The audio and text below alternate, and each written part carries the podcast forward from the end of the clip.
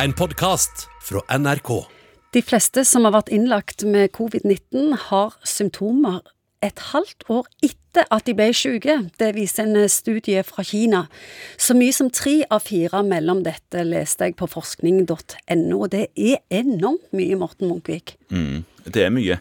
Og det er ikke lenge siden vi hørte i NRK at norsk ungdom mellom 16 og 19 som har hatt covid-19, har svekka lunger, lever, nyrer og andre ting et halvt år etter, Selv om de ikke var så syke Mm. i utgangspunktet.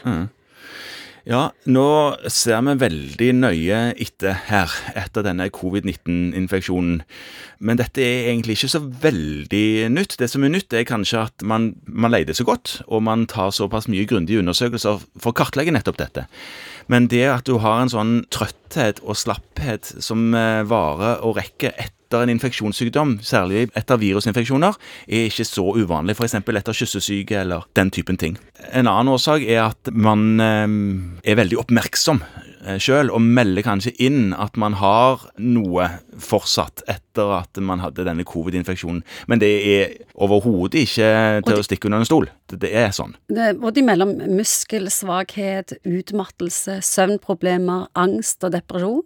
Mm. Mye av dette stemmer helt åpenbart, og i allmennmedisinen som fastleger så er vi veldig oppmerksom på de som har gjennomgått eh, covid, og følger opp disse her med å holde på å se, følge de helt i havn og høre med hvordan det går med de helt til de er tilbake igjen i normal aktivitet. Men selv de som er tilbake i normal aktivitet, kunne nok sagt at ja, jeg, er nå tilbake på jobb, men jeg kjenner fortsatt litt på dette her. Eksempel at de blir litt mer tungpust når de går opp de trappene eh, enn de vanligvis hadde gjort, eller at de har fortsatt nedsatt luktesans og smakssans og den typen ting som man vet kan henge lenge igjen.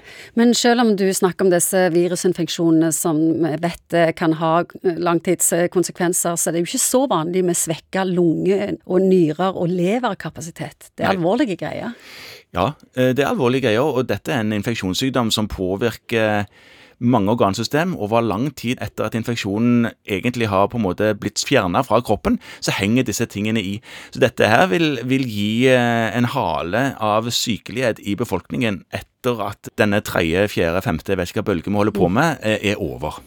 Tror du mange ennå tar for lettvint på covid-19 og ser det på som en, en slags forkjølelse?